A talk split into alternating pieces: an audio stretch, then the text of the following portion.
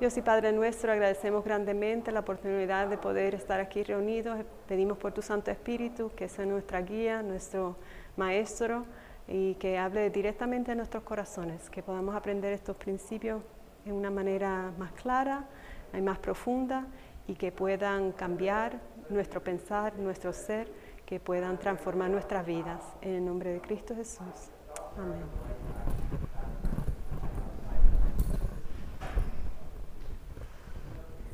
Muy bien. Dos árboles.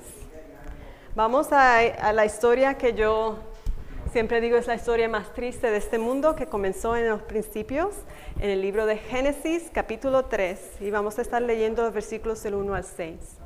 Y dice, pero la serpiente era astuta más que todos los animales del campo que Jehová Dios había hecho, la cual dijo a la mujer, con que Dios os ha dicho no comáis de todo árbol del huerto.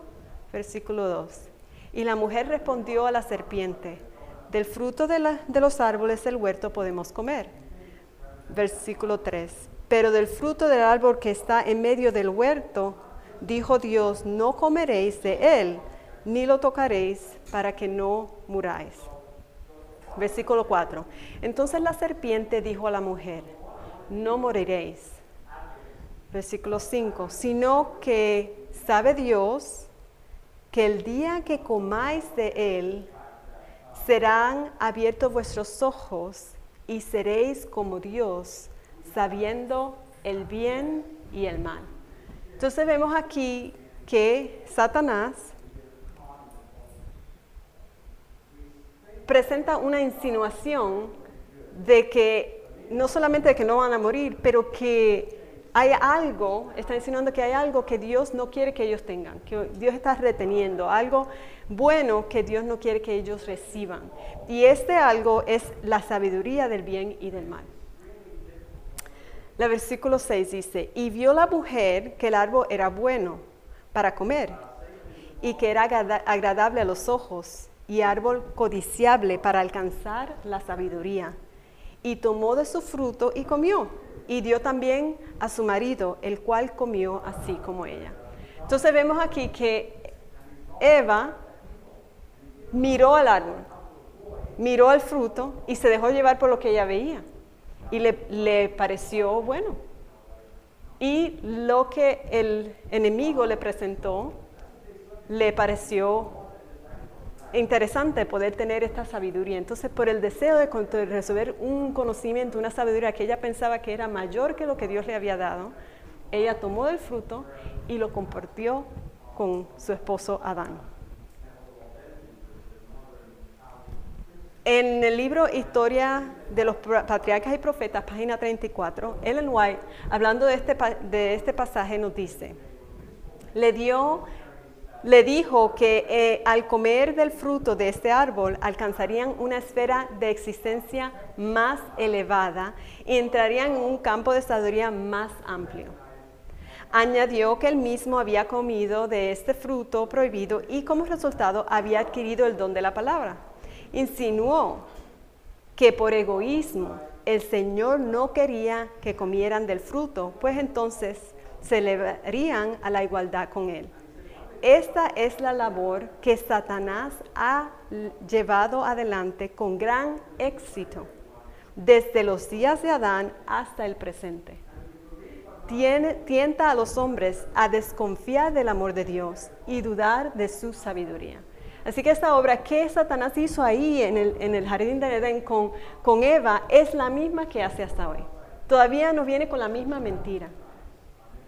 Y, es muy triste saber que todavía no hemos aprendido. Todavía hoy en día todos nosotros caemos en un aspecto de nuestra vida, en otra, caemos en la trampa del enemigo porque creemos que hay algo que Dios no nos quiere dar, algo que Él está reteniendo y, y que ese algo es algo bueno. Esa es la insinuación del enemigo. En la página 38 de este mismo libro dice, Satanás hizo creer a la santa pareja que ellos se beneficiarían violando la ley de Dios. ¿No oímos hoy día razonamientos semejantes? Muchos hablan de la estrechez de los que obedecen los mandamientos de Dios, mientras pretenden tener ideas más amplias y gozar de mayor libertad. ¿Qué es esto sino el eco de la voz del Edén? El día que comerás de él, es decir, el día que violares el divino mandamiento, seréis como dioses. Entonces el enemigo continúa mintiéndonos en este aspecto y dice que nosotros todavía lo creemos, todavía aceptamos. Y las personas que, que se determinan a creer lo que Dios dice y a seguir lo que dice, pensamos de ellos que tienen, que son, que tienen este, mentes estrechas. Y, pero en realidad solo hay, estamos seguros cuando estamos siguiendo el plan de Dios. Tenemos que confiar en la sabiduría de Dios. Nada que nos, que nos provea el mundo eh, es algo que necesitamos. Lo que necesitamos Dios nos ha dado. Continúa. Eva creyó realmente las palabras de Satanás, pero esta creencia no la salvó de la pena del pecado. O sea, que aunque ella creyó que lo que está diciendo era verdad, eso no la salvó de, las consecuencias. No creyó en las palabras de Dios y esto la condujo a su caída. Si nosotros estamos firmes en lo que Dios dice y, le creemos y no dudamos de Él, no importa qué tentación el enemigo traiga, no la vamos a creer. El problema de, Eva es que ella no creyó eh, firmemente en la palabra de Dios. Bienvenido, pasen, pasen. en la palabra de Dios y por lo tanto eh, cayó en la trampa del enemigo. Continúa. Y esto la condujo a su caída. En el juicio final los hombres no serán condenados porque creyeron concienzudamente una mentira, sino porque no creyeron la verdad, porque descuidaron la oportunidad de aprender la verdad. Así que ni siquiera tenemos excusa en que, ay, es que yo no sabía. Porque si descuidamos nuestra oportunidad de aprenderla, también vamos a ser juzgados por eso. No obstante, las, sofismas con que Satanás trató de establecer lo contrario, siempre es desastroso desobedecer, a Dios. Siempre, no importa cuánto el mundo, el enemigo nos trata de convencer que no, no importa si haces esto, si haces aquello, no importa lo que nosotros creamos, no hay seguridad cuando eh, desobedecemos los mandatos de Dios, en ningún aspecto. Continúa, debemos aplicar nuestros corazones a buscar la verdad. Todas las lecciones que Dios mandó registran en su palabra, eh, que Dios mandó registrar en su palabra, son para nuestra advertencia e instrucción. Fueron escritas para salvarnos del engaño. El descuidarlas nos traerá la ruina podemos estar seguros de que todo lo que contradiga la palabra de Dios procede de Satanás. Entonces aquí podemos tener seguridad. Todo lo que no está eh, de acuerdo a la palabra de Dios viene de Satanás, no importa cuán bien se vea. Así vio Eva esa fruta, se vio bien, ella la probó, sabía bien, pero no, se puede, no nos podemos dejar llevar por lo que vemos, por lo que sentimos. Tenemos que ser fieles en creer lo que Dios dijo. Eso es muy importante. Yo les recomiendo que lean eh, este capítulo completo, el capítulo 3 del libro Historia de los Patriarcas y Profetas, se llama La Tentación y la Caída. Eh, este capítulo, si lo leen bajo oración y meditación, van a comprender en gran manera la importancia de la educación verdadera. En 2 Tesalonicenses, capítulo 2, versículo 10 nos dice, y con todo engaño de iniquidad para los que se pierden, porque por cuanto no recibieron el amor de la verdad para ser salvos. Entonces en este versículo nos habla, aquellos que se, perdieron, se pierden, se pierden porque no recibieron el amor de la verdad. Si nosotros amamos la verdad, vamos a rechazar el engaño. El problema es que no hemos aprendido a amar la verdad, porque cuando recibimos la verdad nos damos cuenta que requiere sacrificio y abnegación. Y nosotros, como seres humanos inclinados al pecado, tenemos una naturaleza completamente opuesta a esa, porque la naturaleza del pecador es egoísta. Ah, y y ser abnegado y, ofrecer sacrificio no es algo que viene naturalmente, es algo que tenemos que dar nuestros corazones para que Dios haga esa obra en nosotros. y una decisión que tenemos que tomar firme. En ah, Consejos sobre la Salud, página 107 nos dice, ella, hablando de Eva, comió y creyendo que experimentaba una sensación de vida nueva y más exaltada, llevó el fruto a su esposo. O sea que ella escuchó lo que le dijo Satanás y ahora comiendo la fruta, ella misma se sintió que había recibido una existencia más exaltada, aunque no era cierto, pero lo sintió. Y muchas veces nosotros nos dejamos llevar por lo que el mundo dice y porque sentimos que verdaderamente estamos avanzando, estamos bien, nos dejamos llevar por nuestras emociones, por nuestros sentimientos, por lo que vemos y pensamos que oh, obviamente no había problema con eso porque no hay ningún mal resultado. Y en la historia de los patriarcas y profetas, página 40, nos dice, después de su transgresión, Adán se imaginó al principio que entraba en un plano superior de existencia. Ahora, yo no puse aquí la cita, pero hay una cita en la que habla que Adán no fue engañado. Él sabía que era una mentira, pero aún así, sabiendo que era mentira, él también sintió que, después que, comió, se sintió que sí, había recibido. Esto es importante porque no podemos dejarnos llevar por nuestros sentimientos. Eh, tenemos que estar muy claros en lo que Dios dijo. Veamos la historia de ah, Israel antiguo. Nosotros como ellos miramos al mundo y pensamos que nos estamos perdiendo de algo. Esto fue lo que Satanás le quiso decir a Eva, te estás perdiendo de algo, no comer la fruta. Y ella lo creyó. Y nosotros hacemos lo mismo. Bienvenido. Nosotros pensamos que estamos perdiendo algo.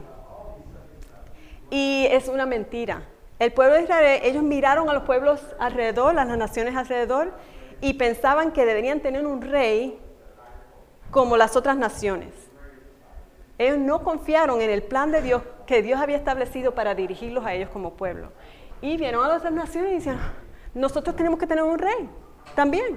Y hacemos así nosotros, en la educación, en nuestra vida, en nuestra comida, en nuestro vestir, todas las cosas miramos al mundo y pensamos, ellos están mejor que nosotros, tenemos que aprender de ellos. Y aunque ellos pensaron así, con el tiempo, ellos se dieron cuenta de su error. En el libro Eternity Pass, que, que no está traducido al, español, aquí está la traducción de Google, no es oficial de, de eh, Ellen White Estate, pero traduce muy bien esta cita. nos dice, la gente vio el error que habían cometido al desear un rey para que no fueran diferentes de las naciones que los rodeaban. Muchos miraban con alarma la condición de la sociedad. Rápidamente se volvieron leudados por la impiedad. Continúa. Amargos fueron los reflejos de la gente al mirar el tranquilo lugar de descanso de Samuel y recordar su locura al rechazar, al rechazarlo como su gobernante. Porque habían tenido una, porque él había tenido una conexión tan estrecha con el cielo que parecía atar a todo Israel al trono de Jehová. Samuel les había enseñado a amar y a obedecer a Dios, pero ahora estaba muerto. La gente sintió que se les dejó a merced de un rey que se unió a Satanás y que divorciaría a la gente de Dios y del cielo. Entonces muchas personas ven esa historia, eh, Dios tenía un plan, el plan era de Dios de dirigirlo a través de un líder espiritual, pero ellos miraron a las otras naciones y dijeron, queremos un rey como las otras naciones. Y Dios les dejó que tuvieran el rey. Entonces pensamos, ¿ves? Está bien si cogemos otro plan. Pero el plan que nos da Dios es el único plan seguro. Y estas personas, aunque en el momento no lo vieron, cuando perdieron a Samuel, ahí fue que se dieron cuenta. Muchas veces cuando es muy tarde nos damos cuenta. Se dieron cuenta que, que a través del tiempo que estuvieron bajo este rey habían llegado a una iniquidad muy grande y reconocieron cómo habían sido afectados espiritualmente. Entonces, todo lo que Dios nos da, nos da porque quiere mantenernos en los caminos de Él. Su deseo es que nosotros estemos en el cielo. Si nosotros vemos la historia de la Biblia de principio a fin, está expresando el amor de Dios, un Dios que su corazón fue quebrantado cuando el pecado nos separó de Él. Y todos los esfuerzos de Dios, toda su mente, todo su corazón, todo el cielo, Él lo ha invertido para traernos nuevamente a estar con Él. Y todo lo que nos ha dado, sea en agricultura, sea en educación, sea en alimentación, todo lo que nos ha dado es para ese propósito. Cuando nos vamos fuera del propósito de Dios, estamos abriendo las puertas para ser perdidos. Entonces muchas veces veamos, queremos discutir si una cosa es pecado o no. En realidad lo que tenemos que ver, ¿dónde nos está conduciendo este camino? ¿Nos va a conducir a Dios o nos va a conducir al, pecado, a las cosas del mundo? Nos va a separar de Él. Porque es muy importante, cada decisión, cada situación está lidiando, nos está dirigiendo a un camino o el otro. Entonces, aquí vemos los dos árboles, el árbol de la vida y el árbol de conocimiento. El árbol de la vida produce el fruto de la educación verdadera. Y el árbol del conocimiento produce el fruto de la educación falsa. Y antes de que piensen que les estoy enseñando herejías, les voy a compartir una cita inspirada donde este concepto está presentado. En esta cita, eh, que también está en inglés, esta, esta cita aparece en un artículo que se llama The Tree of Life and the Tree of Knowledge, el árbol de vida y el árbol de conocimiento. Y este artículo fue eh, presentado en el General Conference Daily Bulletin en marzo 6 de 1899. Y aquí está la traducción. El jardín de Edén no era solo la vivienda de Adán, sino también su aula. Como en esta escuela, así en la escuela de la tierra de hoy, se plantan dos árboles. El árbol de la vida, que lleva el fruto de la verdadera educación, y el árbol del conocimiento que produce el fruto de la ciencia falsamente llamada. Muchas veces a través de los escritos de White, usted va a ver que cuando ella está hablando de la educación del mundo, de la educación que no es verdadera, ella la llama ciencia falsamente llamada. Y es porque la ciencia es el estudio de, de, las cosas como Dios las creó, es la verdad. Entonces la ciencia que el mundo llama no es ciencia verdadera, porque la ciencia verdadera no hay lo encuentro los principios de Dios. Entonces, por eso es falsamente llamada así. Entonces aquí ella presenta estos dos árboles. Por eso es importante que nosotros vayamos a la historia de Génesis para comprender dónde todo comenzó. El deseo de obtener un conocimiento que no era el deseo de Dios que ellos, que ellos recibieran. Y todavía hoy tenemos ese mismo deseo. En Consejo para los Maestros, página 14, nos dice, el así llamado árbol del conocimiento ha llegado a ser un instrumento de muerte. Satanás ha entretejido arteramente sus dogmas, sus teorías falsas con las instrucciones dadas. Desde el árbol del conocimiento enuncia las adulaciones más halagüeñas respecto de la educación superior. Miles participan del fruto de este árbol, pero significa la muerte para ellos. Cristo dice, ¿por qué gastáis el dinero en lo que no es pan? ¿Estáis dedicando los talentos que os confío que os confió el cielo en conseguir una educación que Dios declara insensata? La educación del mundo que nosotros pensamos es tan gran cosa, muchas personas dedican, su tiempo y mucho dinero en pagar por ella. Sin embargo, Dios nos dice, ¿por qué gastáis dinero en lo que no es pan? Consejos um, para los maestros, página 67 nos dice, hay una educación que es esencialmente mundanal. Su fin es dar éxito en el mundo, satisfacer la ambición egoísta. Para conseguir esta educación, muchos estudiantes dedican tiempo y dinero y llenan su mente de conocimientos insensatos. El mundo los tiene por sabios, pero no tienen a Dios en sus pensamientos. Comen del árbol de conocimiento mundanal, que, que nutre y fortalece el orgullo. En su corazón se vuelven desobedientes y se apartan de Dios y colocan de parte del enemigo los dones a ellos confiados. Mucha de la educación actual, mucha de la educación actual es de ese carácter, aún en nuestras escuelas desafortunadamente. El mundo puede considerarla como altamente deseable, pero acrecienta el peligro para el estudiante. Entonces la educación que el mundo ve como algo grande, algo que debemos tener, Dios no lo ve de la misma manera. Usualmente es simplemente un peligro para nuestra salvación. En el libro Deseado de toda la gente, página 65, hablando de Jesús, dice, sus hermanos, como se llamaban los hijos de José, se ponían del lado de los rabinos. Insistían en que deberían conseguirse, eh, debían seguirse las tradiciones como si fueran requisitos de Dios.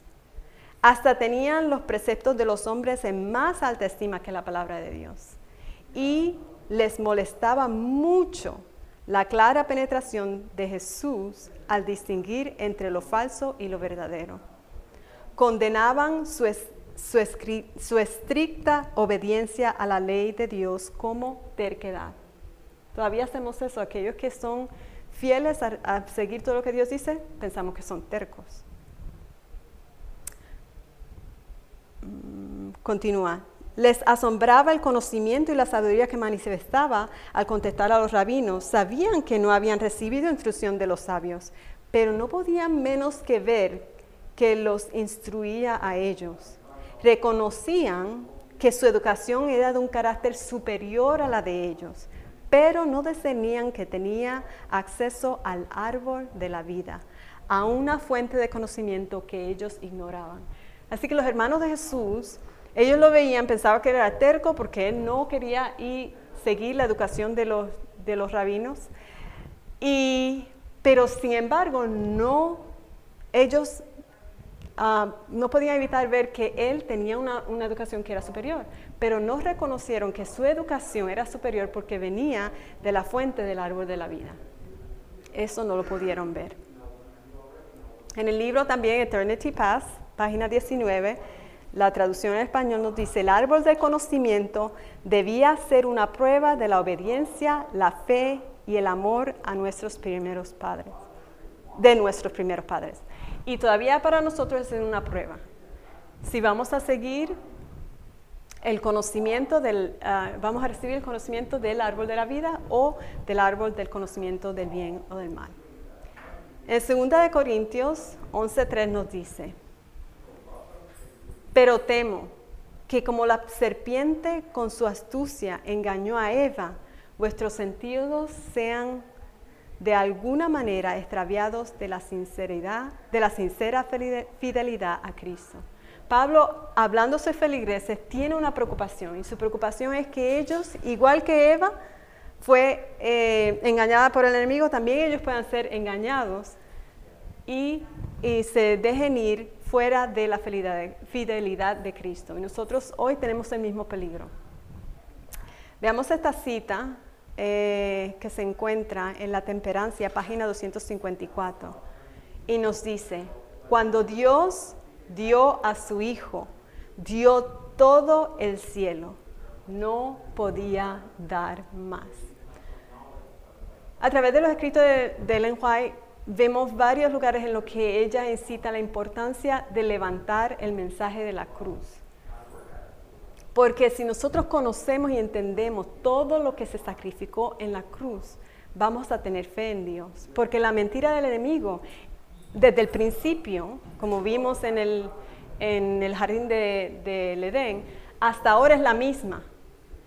Él está llevándonos a dudar de que Dios nos ama y, que, y dudar de su sabiduría. Pero si nosotros vemos a la cruz y vemos que en la cruz dio todo y que nada más se podía dar, podemos entender que Dios no está tratando de quitarnos nada, que no hay nada que está reteniendo que es bueno para nosotros. Entonces cuando Dios nos dice, esto es lo que tienen que hacer, al principio nosotros todos pensamos, Dios está tratando de quitarme algo. Pero si miramos a la cruz y nos recordamos que en la cruz vemos la expresión más grande del amor de Dios, de que Dios dio todo y no podía dar más, vamos a creer y confiar en Él y vamos a ver que nada, nada Dios nos va a, no nos va a dar que sea para el bien. Entonces, no tenemos que mirar al mundo como miraron el pueblo de Israel y pensar, necesitamos un rey, necesitamos aquello, necesitamos aquello. porque no hay nada en esas cosas. Dios no nos hubiera dado si las necesitáramos. Nosotros pensamos que el mundo está avanzado, pero en realidad estamos bien atrasados. Y mientras más tiempo pasa, más atrasados vamos, porque más lejos estamos de la imagen de Dios. Y desafortunadamente nosotros pensamos que los principios son atrasados, ahora que estamos avanzados y queremos dejarlos.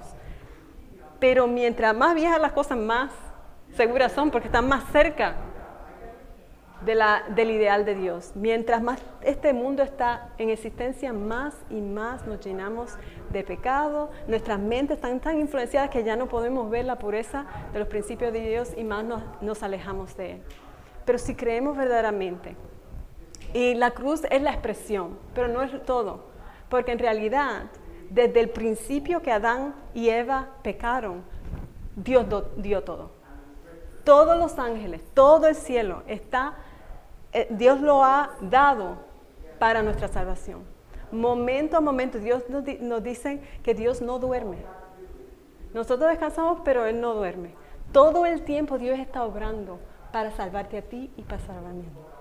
Porque su amor por nosotros es tan grande que no puede tener gozo sin tenernos con Él. Y desde ese momento que ellos pecaron y se separaron de Dios, todo lo que Dios hace, todo lo que nos dio en la Biblia, todo lo que nos dio en los escritos de Ellen White, todos los mensajes que nos ha dado como pueblo, es para traernos nuevamente a Él, porque ese es su deseo más grande. Y si nosotros comprendemos eso, que fue expresado en la, en la muerte de la cruz, pero continúa siendo día a día, momento a momento, todo el cielo está invertido para nosotros podamos ser salvos. Entonces nosotros podemos recibir cada mensaje de esa manera y no vamos a dudar de Dios. No vamos a mirar con nuestros ojos o nuestras emociones ver si algo es bueno o no, sino vamos a seguir a Dios y conocer que en estas cosas Dios tiene lo mejor en mente para nosotros. Esta eh, promesa también se nos da en Salmos 84, versículo 11. Dice, porque, porque sol y escudo es Jehová Dios. Gracia y gloria dará Jehová.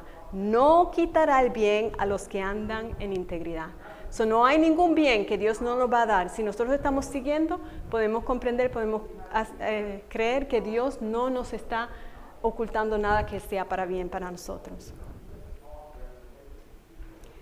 En Isaías capítulo 55, versículos 6 al 9 nos dice, Buscar a Jehová mientras puede ser hallado, llamadle en tanto que está cercano.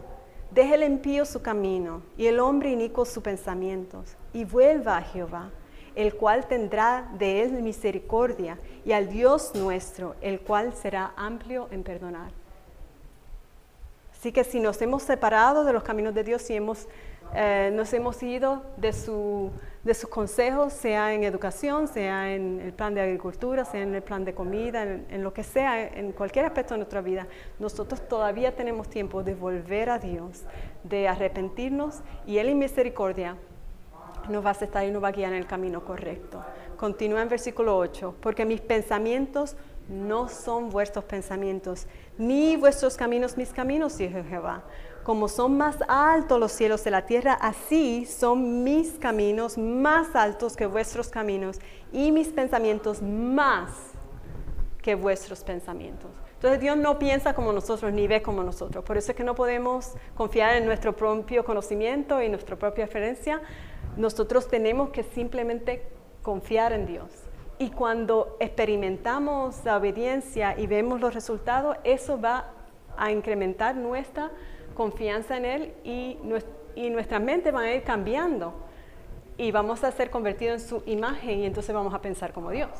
Pero si, estamos viendo las cosas de nuestra mente humana, vamos a ver todo como que no es bueno. Entonces la, educación del mundo nos atrae porque pensamos que tienen algo que nosotros necesitamos y queremos traer estas cosas a nuestras escuelas o a nuestros hogares. Hay muchas personas que piensan que la educación verdadera es hacer la, escuela en la casa, pero entonces traen todo lo que está en, en el sistema del mundo y lo enseñan en la casa. Eso no es educación verdadera, no es la localidad, sino los principios y la educación misma que lo hace verdadero.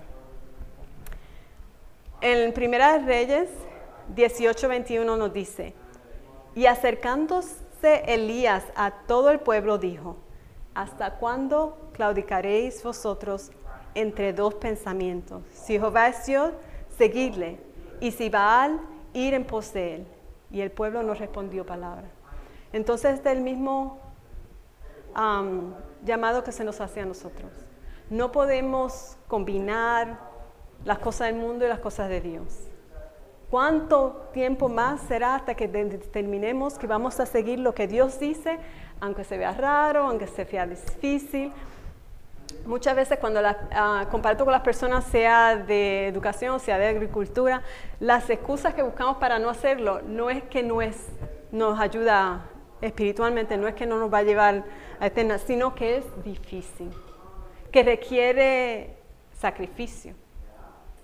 Pero el problema es que si eh, vamos a utilizar esa razón, entonces no vamos a seguir los caminos de Dios. Vemos que en el, aún en el principio se nos dice que Adán y Eva en el jardín de Edén, ellos gozaban de trabajar en, en el jardín. Pero después del pecado, una de las cosas que dice claramente en la Biblia es que ya ahora el trabajo que hacían era con sudor y ya no era, ya no era, ya tenía, no es que no podía ser, no lo podían gozar, pero ya había ah, añadido algo que antes no tenían.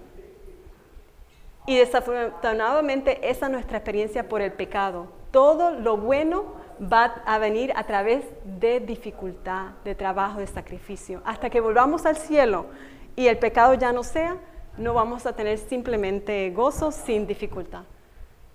Porque nuestra naturaleza pecaminosa necesita de esa dificultad para morir al yo y para que podamos volver a, estar completamente en los caminos de Dios. Por eso es que está ahí. Entonces, si vamos a utilizar esa excusa, nunca vamos a seguir ninguno de los caminos de Dios. Si el camino que estás siguiendo es fácil, lo más seguro no es el camino de Dios. Entonces, la educación verdadera, la agricultura, el mensaje de salud, todas estas cosas, si los vamos a seguir, van a ser difíciles. Porque el mundo va en contra de los principios de Dios. Entonces, no podemos pensar que todo se nos va a hacer fácil porque vamos a tener que ir en contra de la mayoría. Es como un pez tratando de ir en contra de la corriente. Es mucho más fácil ir en- con la corriente. Muy fácil. Pero si vas a ir en contra de la corriente, necesitas poner mucho esfuerzo. Y nosotros tenemos que estar dispuestos a no ver las consecuencias, sino ver los principios. Hacer lo que Dios diga, no importa cuáles sean las consecuencias.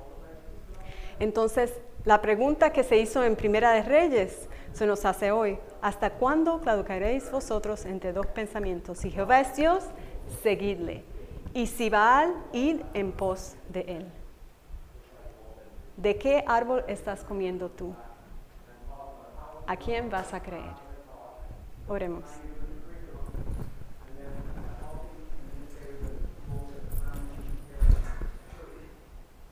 Dios- y Padre nuestro, agradecemos grandemente, Señor, la lección tan grande que recibimos del jardín del Edén.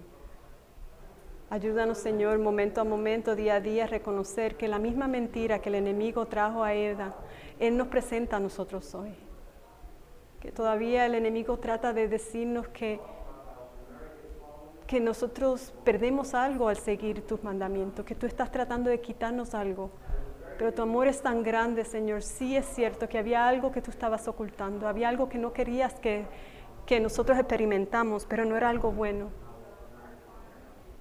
Nunca fue en tu deseo que nosotros experimentáramos el mal, pero por la desconfianza seguimos la insinuación del enemigo. No solamente ese día, sino día a día hasta hoy todavía recibimos las insinuaciones del enemigo porque pensamos que el mundo tiene algo mejor. Ayúdanos, Señor, a tener fe. Ayúdanos a reconocer que tu palabra es verdad y que podemos confiar en ti plenamente, completamente. Y ayúdanos a tener la fortaleza de seguir tus principios en nuestra vida. No importa cuán difícil sea, no importa el sacrificio, la negación que requieran.